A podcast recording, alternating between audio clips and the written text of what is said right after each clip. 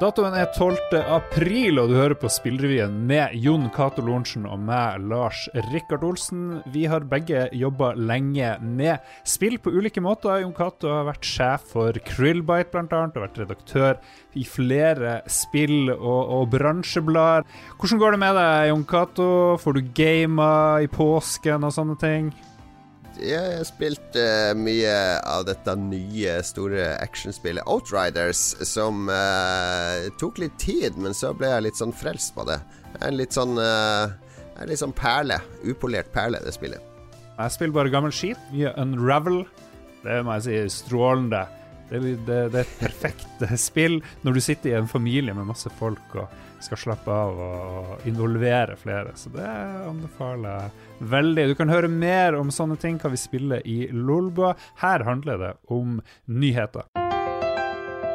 I forrige uke ble det klart at et av de største medieselskapene i Norge kjøper seg inn i gamer.no, og Telia-ligaen-eier Good AS Polaris Media eier nå 20% av selskapet og skyter inn 10 millioner for å utvikle Good Game redaksjonelt og på andre måter.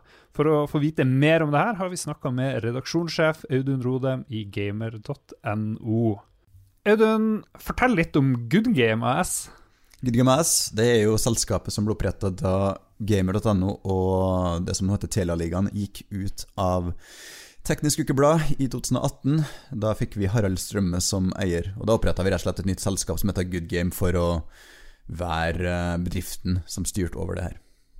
Eier du noe ut av det her? Jeg har eh, en aksjepost, jeg har det. Eh, den er på et par-tre par, prosent. Så har, har, har eierskap til, til produktet, ja, det kan vi si. Hva betyr det å ha Polaris som eh, partner for gamer.no, hvis vi tar den biten først? Ja, for det er jo gamer.no jeg er mest involvert i som redaksjonssjef der. Um, jeg syns jo Polaris er en uh, perfekt partner i så øyemed, for de er jo først og fremst et medieselskap. Det hadde jo fort vært mulig at det kunne vært uh, noe som var mer fokusert på eventdriften og e-sportdriften. Så for min del så det at et medieselskap investerer i oss, et uh, bra tegn for uh, at det jeg gjør, også skal få en del oppmerksomhet. da. Jeg har lest en sak du la ut på gamer.no da du skrev litt om hva betyr det her. Du går ikke sånn veldig spesi spesifikt inn, og det kan du kanskje ikke nå heller, men du nevner at kanskje vil dere dukke opp i Det er jo ganske mange aviser rundt omkring og medier rundt omkring i Norge som eies av Polaris. Kanskje dere dukker opp der på noe vis? Kan det hende?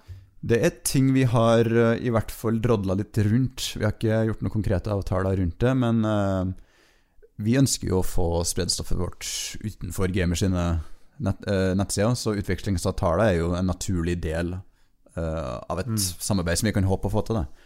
Det er til sammen skal 10 millioner skytes inn i første omgang. Hvor uh, Fins det noe konkret uh, allerede på hva dere skal gjøre med de pengene som gamer.no får bruke der, hva dere har tenkt å gjøre? Uh, ikke noe konkret uh, akkurat nå, nei. Vi kan ikke snakke så mye om det. Men uh, håpet er jo å, å, få bygd opp redaksjonen ytterligere. Um, men utover det så er det ikke noen sånn spesifikke planer akkurat nå. Det er jo ganske ferskt for oss fremdeles. Men, men, vi ønsker å, få styrka det reaksjonelle produktet.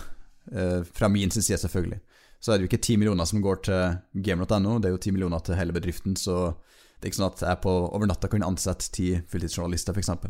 Det er ganske lettende å få uh, litt kapital inn i, inn i, bedriften, fordi helt siden jeg starta i Gamer i 2012 på fulltid, så har vi jo vært uh, Det vet jo du òg, mediebransjen har vært en ganske turbulent periode de siste ti årene. Mm. Ikke minst kulturdekninga og kultur- uh, og nisjesteder. Så det har vært litt sånn nedskalering underveis, og nå ser vi litt en sånn mulighet til oppsving igjen. Så mitt ønske og håp er jo at vi skal kunne dekke ting enda bedre og mer grundig, og med bedre kvalitet også enn det vi har greid gjort tidligere. Men selvfølgelig er det eh, ambisjoner som, som, må, som må jobbes med. Og hvis vi tar den andre delen av Good Game, når det gjelder e-sport og events, eh, hva er det som skjer der? Jeg må innrømme, jeg ikke, Det er ikke det jeg følger mest med på. Nei, nei. Det er ikke liksom der hovedinteressene er. Er det, noe, er det noe nytt og spennende eh, på vei der som vi og lytterne burde vite om? Vi jobber Altså, jeg jobber ikke direkte med det sjøl, så jeg kan ikke snakke for mye om det. Men det jeg vet, er at det jobbes med å bedre plattformen for turneringa der. Og det skjer vel i tandem med at vi lanserer en ny gamernet-side etter hvert. Vi har vært, vært og jobba med det bak kulissene en god stund nå, men den har ikke vært helt klar. Eh, så det skjer. Og så er det Jeg tror ønsket der er å styrke, styrke infrastrukturen og bygge opp rundt det. Eh, så får vi se hvordan det blir. Men igjen, det blir Det er ikke helt mitt bord, så jeg er ikke 100% sikker på hvordan de tenker å bruke det. Eh, Polaris har masse, masse små og store eh, mediebedrifter rundt omkring i landet. Er det, er det, kan det være mulig at, at e-sport og sånne ting får et mye større publikum gjennom den kanalen? Det er veldig mulig, og det er noe av det vi håper at skal skje, i hvert fall. Um, som sagt, utvekslingsavtale med Polaris sine aviser, og ikke minst for min del kompetansen til Polaris som et medieselskap, er noe jeg ønsker å utforske videre og kunne uh, jobbe med for å bedre det produktet jeg jobber med. Så jeg syns det er veldig spennende å ha Polaris i ryggen her, altså. Ja, igjen, et medieselskap var perfekt investorpartner for, for Good Game for min del. Hvis vi ser litt videre, gamer.no feirer 20 år i år. Mm. Det er jo bare å gratulere masse. Vi bør jo snakke mer om det i en annen episode, men kan jo være greit å tenke litt på hvordan dere og spillmediene sin utvikling har vært på 20 år, sånn Mm. i røffe trekk. Hvordan har det vært for dere? Nei, Jeg har jo vært med de siste ti årene, først som frilanser og så som fulltidsansatt i, fra og med 2012.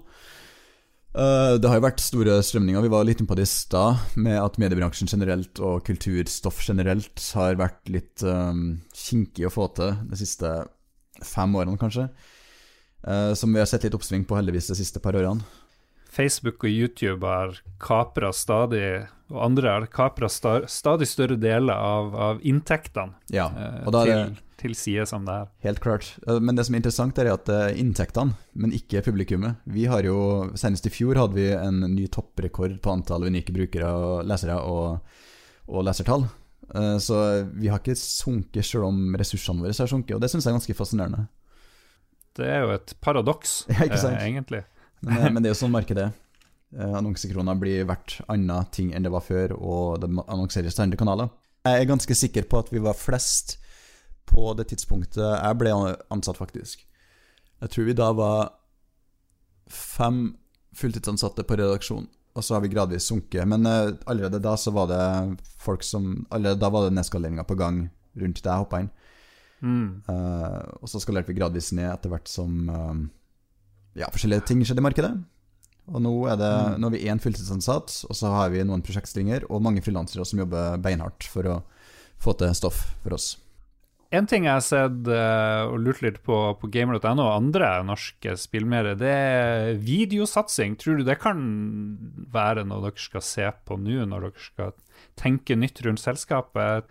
Eh, så- sånne sider som Eurogamer og IGN og sånne veldig store sider, de har lenge holdt på med, med mye video, men dere har ikke hevet dere på det like mye. Hva ligger bak der, og kan det være noe i fremtida?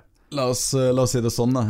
Um, jeg har hatt lyst til å gjøre video i sju-åtte år nå. Så ja, det er absolutt noe vi har lyst til å gjøre.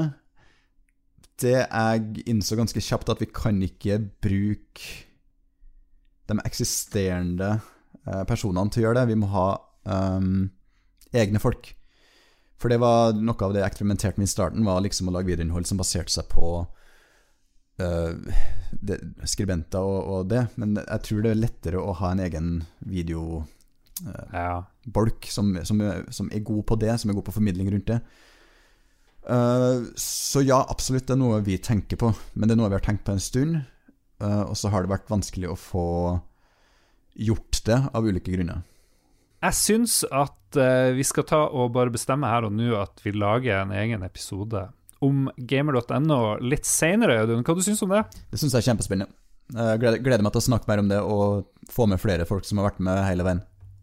Det skal vi gjøre. Og inntil da så kan vi jo bare si gratulerer med å få en ny partner til å utvikle gamer.no videre.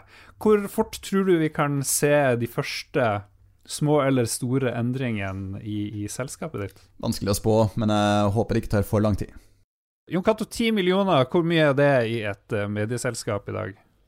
Eh, det er jo eh, penger, penger i mediebransjen, er det ikke sånn? Det her vet jo du mer om enn meg som er i mediebransjen, eh, Lars. Jeg har forlatt den for lengst. Du har forlatt den for lengst? Ja, det er jo en god, eh, god solid innskyting, så, men de pengene varer jo eh, en, en viss stund, så man må jo bruke de for å sikre nye inntekter altså Hvis de skal få de pengene til å vokse, så er det vel kanskje sånn at de må lage nye tjenester fremfor bare å utvide det eksisterende redaksjonelle. For det er vel tjenester mye av mediebransjen har begynt med de siste årene for å generere inntekter.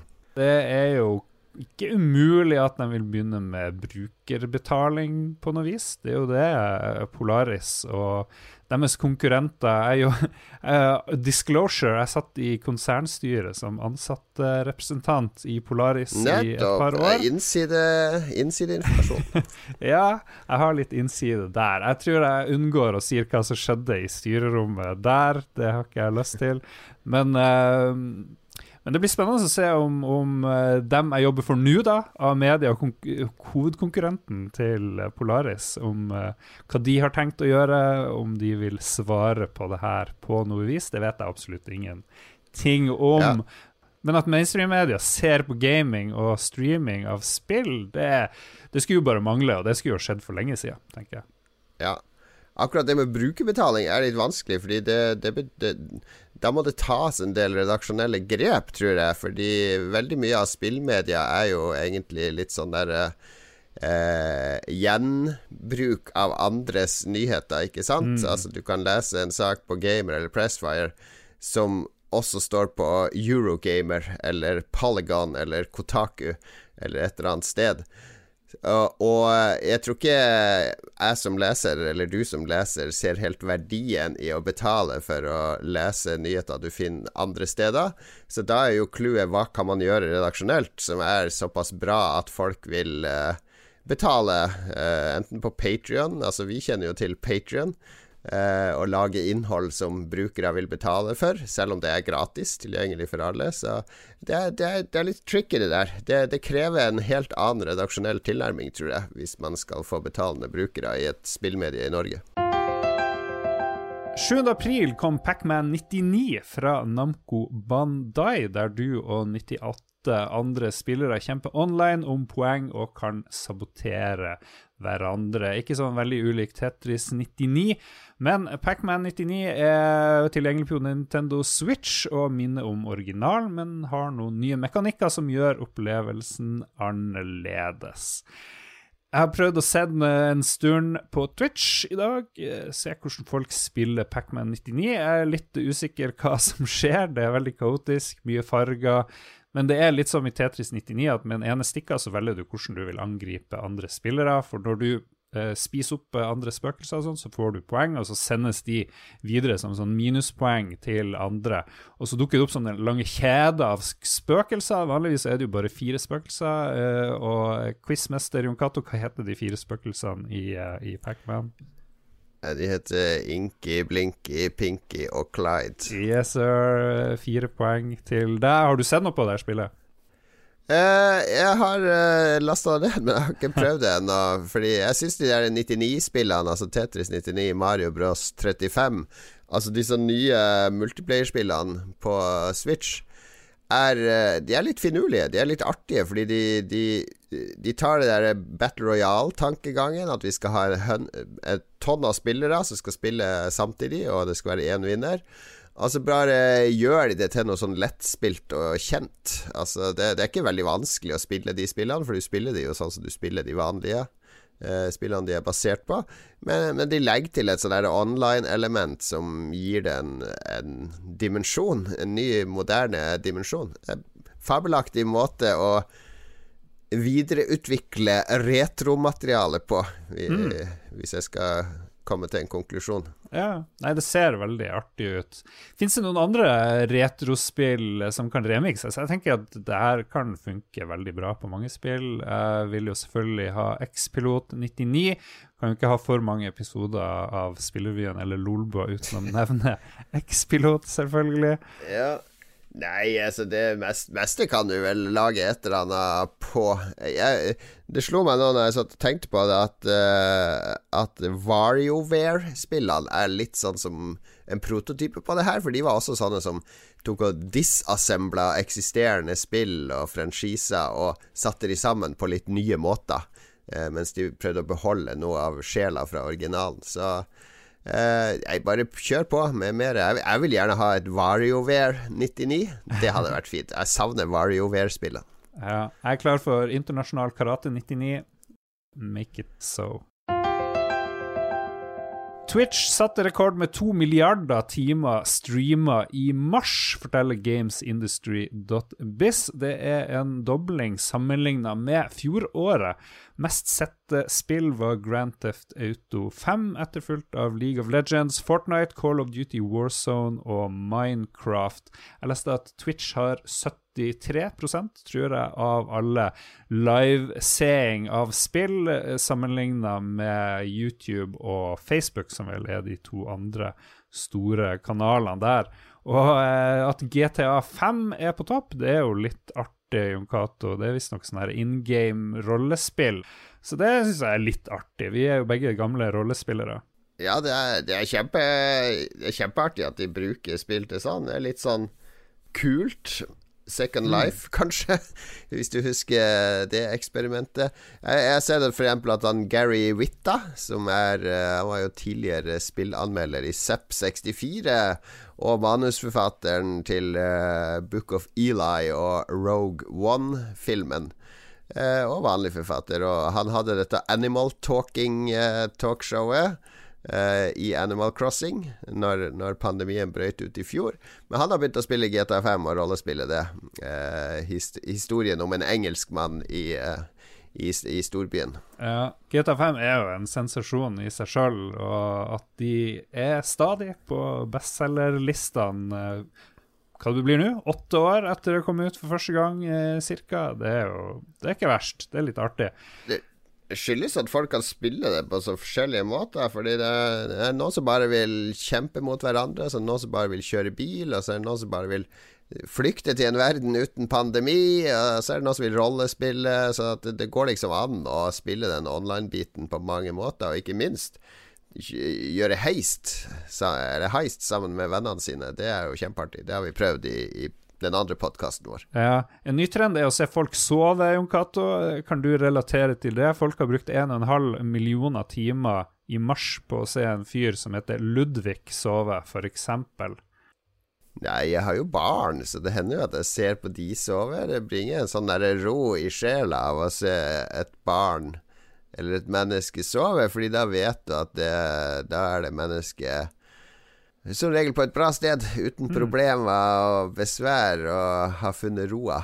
Det er en ro i å se andre finne ro.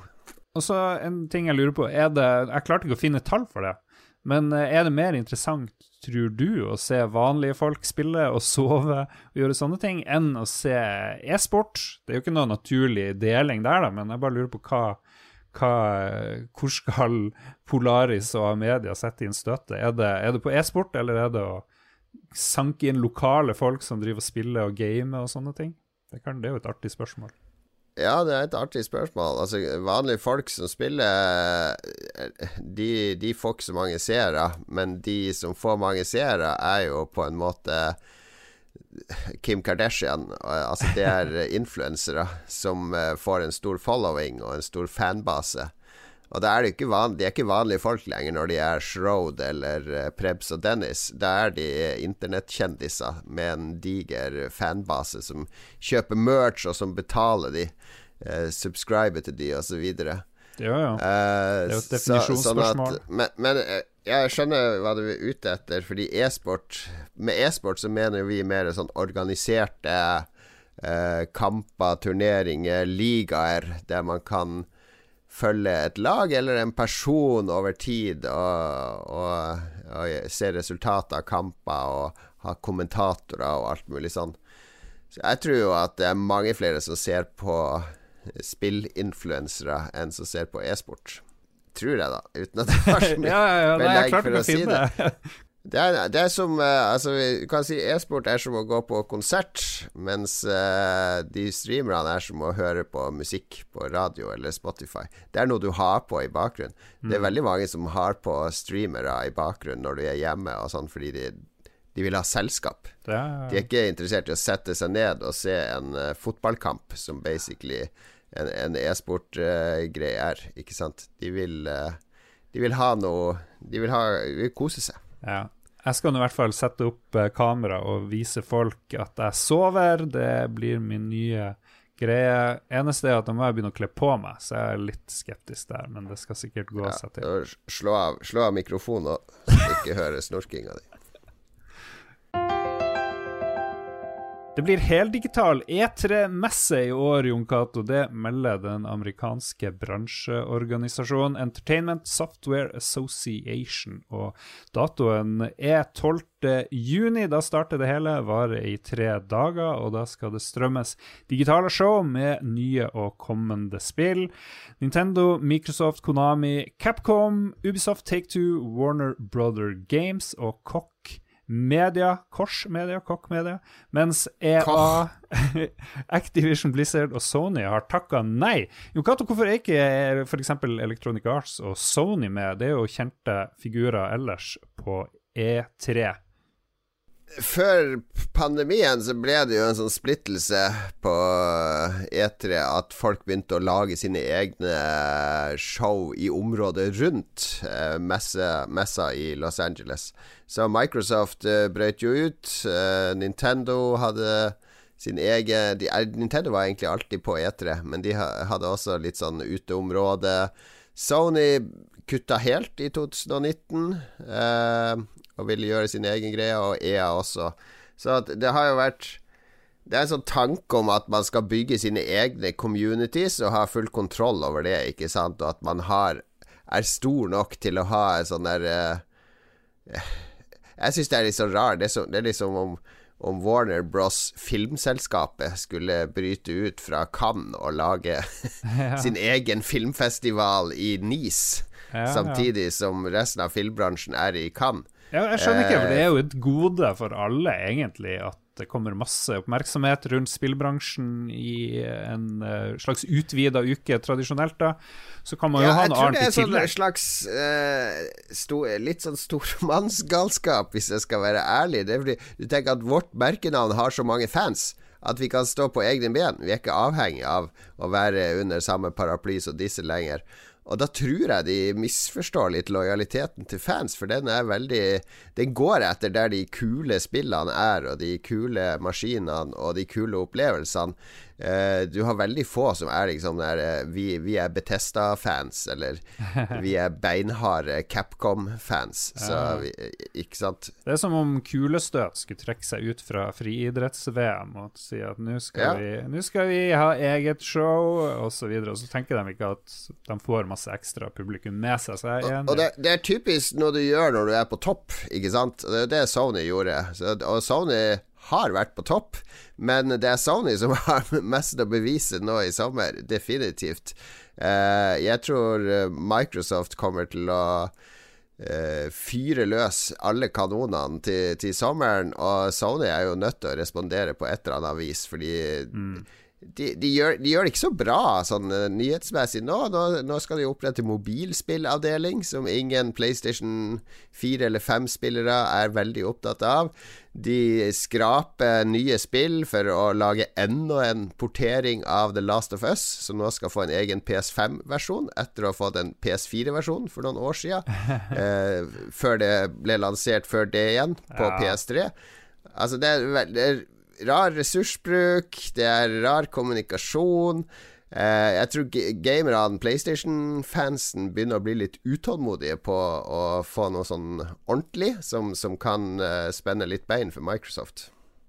Hvis vi går videre, er det noen vits å ha et fysisk E3 lenger? Nå skal det være heldigitalt. I fjor var det jo selvfølgelig ikke noe spesielt som skjedde. Er det noe vi går glipp av med å ikke ha det her fysisk? Bortsett fra at jeg og du ikke kan reise til Los Angeles selvfølgelig med vennene våre på slep. Ja, vi går jo bare glipp av utvanna øl på Saddle Ranch og såre bein etter å ha traska milevis rundt på de her betonggulvene dagen ja, lang. Men jeg syns jo at det er morsomt å gå rundt der, og så kan du plutselig møte Josef Fares, ikke sant, som du kjente, så kunne jeg hilse på han. Og det er jo det der med det fysiske. Treffe folk og, og knytte bånd. Noe går man jo glipp av, vil jeg si. Alle er jo ikke journalister, liksom. Altså Det er mange, mange, aspekter av det her. Som gamer så går du ikke glipp av noe ved å ikke være på E3. E3 pleide å være et sted man kunne få teste alt som kom. Uh, det kan man for så vidt fortsatt, men uh, hvor, hvor, kult er det? Du har digitale spillfestivaler nå der du kan laste ned demo av ting som kommer, som egentlig er uh, bedre enn å stå to timer i kø mm. ved, ved, for å komme inn og spille i fem minutter.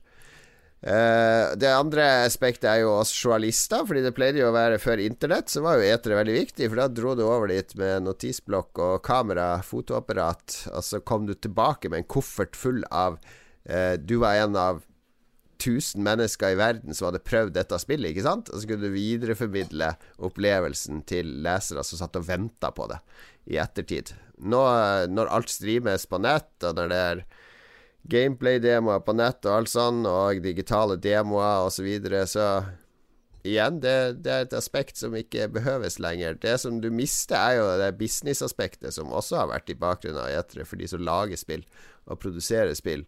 Eh, at man kan møte og pitche og, og, og finne nye samarbeid. Er det noe spesielt vi kan forvente? Har du noen spådommer for årets E3? Jeg må si jeg er totalt blank. Eh, koronatilværelsen og hjemmekontor eh, gjør at mine spådomsevner skrumper fullstendig inn. Det jeg forventer, er jo at nå er to nye konsoller ute, PlayStation 5 og Series X, som er på en måte den nye generasjonen med konsoller. Og vanligvis på det etere etter det året de lanseres, så skal man jo bevise at dette er konsollen du som forbruker skal satse på. Så både Sony og Selv om Sony ikke per nå er med på E3 eller har annonsert noe eget show, de er nødt til å vise hva hvorfor folk skal kjøpe PlayStation 5. Nå er det ikke umulig å kjøpe PlayStation 5. eh, det er ikke så lett ennå. Men alle de som har kjøpt PlayStation 5 de må vite at de har kjøpt noe som ikke bare samler støv. Ja. Fordi de må, de, ja, de må bli overbevist om at dette er riktig plattform, og at det kommer kule spill til den. Og aller helst spill i år og tidlig neste år. Ja, Nå snakker vi kanskje ikke bare om teoretiske gamere, vi snakker vel om meg og deg òg, Jon Cato. Vi driver vel og lurer litt på hva vi skal bruke den her eh, PlayStation 5 til på kort og mellomlang eh, tid. Det kommer jo sikkert noe etter hvert, men uh, det virker som om Sony satser veldig på liksom, de store, store store titlene. At det er det som er greia. Mens Microsoft har en mye bredere plan, egentlig. De skal ha de små spillene, de skal ha mellomstore spill. Sony virker å være mer på Vi skal ha megasvære God of War-greier. Ja, det, virker jo sånn. Og så har Microsoft en mye mer tjeneste-approach enn uh, Sony har. Uh, det, det, er litt for mye rot med Sony, liksom. Månedens spill på PlayStation Plus er Hvis du har PS5, så er det Apes Odyssey, men det er det ikke hvis du har PS4, selv om spillet er lansert på PS4 og PS5 samtidig. Mm. Altså, det De trenger å rydde opp litt. Det, det er veldig utydelig for folk hva, hva, om PlayStation nå er en merkevare, eller om PlayStation 5 er skal, Er PlayStation 4 død? Altså, hvorfor mm. skal Jeg kjøpte jo The Last of Us remastered på PlayStation 4. Kjører ikke den helt fint på min PlayStation 5? Hvorfor skal jeg måtte kjøpe det på nytt på PlayStation 5 i enda en oppussa Altså, det er, ja. er noe som skurrer her. Ja, de må jobbe med budskapet sitt. Tipper Norris Film er skikkelig glad for at de sendte PlayStation 5 til begge oss. Vi kan sitte og snakke den ned i hver sending. Men som de sier i USA, fair and balanced. Det jo, eh, står også i vår dogme-charter. Absolutt.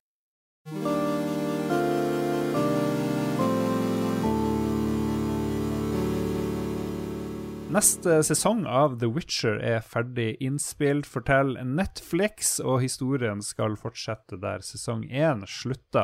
Uh, det hele er i hovedsak basert på boka Blood of Elves, lest jeg på gamer.no, og når det hele slippes, er fremdeles usikkert. Det er jo, vi har snakka en del om film og TV og video og, og sånne ting på, basert på spill. Jeg tenkte her kunne vi se litt på eh, folk som han Henry Cavill, han som er hovedrolleinnehaveren i The Witcher. Uh, han er jo plutselig blitt en liksom posterboy for gaming og har fått jeg driver og, og, og, leste meg litt rundt det før vi begynte, og han får litt sånne merkelige oppslag eh, i enkelte medier. Jeg leste f.eks. i GQ, de gjorde det liksom en sensasjon at han spilte spill. Ja, han spiller Total War Warhammer 2, og eh, det er basert på noe med sånne små plastfigurer. Som om det er veldig rart at en eh, superkjekk filmstjerne sitter og gamer. Og så finner du òg oversikter over andre kjendiser som spiller, og også det er litt sånn Å, sjekk hvem som spiller. Så tenker jeg, er, er gaming fremdeles ikke mainstream? Det virker liksom ikke helt sånn når man ser på dekning av folk som han uh, The Witcher-stjernen. Det er vel heller journalister og redaktører som er i utakt med hvordan verden har utvikla seg, for det her ser vi også i norske store aviser, at uh, de forstår liksom ikke hvor normalt det er å spille. Det blir sett på som noe eksotisk og uvanlig. og så omgir man seg kanskje med miljøer der det er noe eksotisk og uvanlig. Men herregud, Erna Solberg har jo både fått bot for, for festing, men også skrevet et kapittel i en bok som jeg og Anna Aarseth skrev om dataspill. Så det er, det er, jo Det er ikke noe sensasjon i det hele tatt. Men for altså GQ er vel et magasin der menn skal være kule. Det er vel fortsatt ikke kult å spille dataspill, kanskje? De har en sånn utdatert illusjon om at menn skal være pent kledd, ha sixpack og sitte og drikke en martini på en uh, fancy retrobar uh, og kjøre uh, sportsspill, liksom. gaming passer ikke inn i det der litt utdaterte bildet av hva de tror en mm. moderne, hva en moderne mann var på 80-tallet, liksom. Det henger kanskje igjen fra, fra der.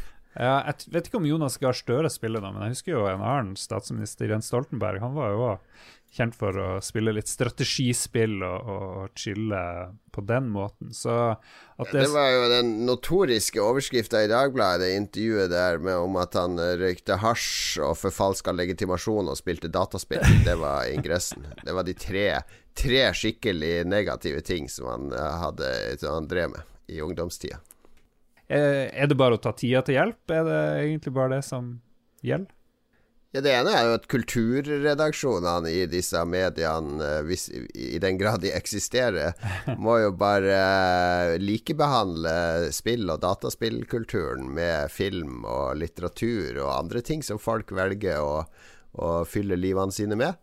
Uh, og behandle det ikke som et sånn der eksotisk og rart og 'dette må vi forklare', men bare fortell rett frem hva det er, sånn at folk forstår hva, hva folk holder på med, og hva disse opplevelsene gir.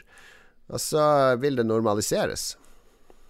Absolutt. Vi kan ta og avslutte det hele med å se på spill som kommer denne uka. Og vi sleit litt, men du har klart å finne frem til én tittel som kanskje ikke er så veldig interessant å spille, men historien bak er kanskje mer uh, verdt å kikke på. Det, jeg vet ikke om jeg eller du kommer til å spille MLB The Show 2021. Det er et baseballspill eh, som kommer nå 16.4. Og hvorfor er det verdt å nevne? Jo, fordi det er laga av eh, Sony Computer Entertainment America, eh, studioet i San Diego. Eh, så det er et PlayStation produsert spill, men det kommer også på Xbox. Uh, som vel uh, flere spillmedier har påpekt. Uh, det blir første gang du starter et Xbox-spill, og det kommer en Sony Sony-logo og Xbox-logo i samme spill. Ja, det går jo litt mot det Microsoft gjør med å kjøpe opp flere studio. Sånn som Zenimax, som gjør at nye Elder Scroll-spillene De vil vel ikke dukke opp, mest sannsynlig. Har de nå sagt, i hvert Kanskje fall. Sony Kanskje Sony håper at ved å gi uh, Xbox et baseballspill, så skal de få Elder Scroll 6 på PlayStation 5. Og ønsker dem lykke til med det. Det var det vi rakk i eh, en av eh, de eh, mer muntre og hyggelige Spillrevyen-episodene jeg har spilt inn. Utrolig koselig å se deg, Jon Cato. Hvis dere vil høre mer Jon Cato, så får dere det etter hvert i Lolbua, som kommer hver onsdag. Og vi har også en uh, Patrion-eksklusiv uh, podkast som går helt av, av skaftet, som heter Roffelbua. Gå på patrion.com slash lolbua for å finne mer ut av det. Hør på noe som heter Ragequit, som også er assosiert med oss og Lykkos univers. Vi samarbeider med pressfire.no om å lage Spillrevyen. Støtt norske spillmedier, og dere kan også støtte Spillrevyen på Patrion. Hver episode av Spillrevyen avsluttes med gode råd for uh, kvinner, menn, gamle, eldre og alle mulige. Har du noe, noe, en oppgave å gi dem den neste uka, Jon Cato? Ja, det er vår. Bare husk å bruke solkrem. Solkrem? Herregud. Veldig fornuftig råd. Ja, de her rådene blir mer og mer banale, føler jeg. Husk å puste, osv. Ja ja. Bruk solkrem, folkens. Det fins verre råd enn det. Vi snakkes. Ha det bra.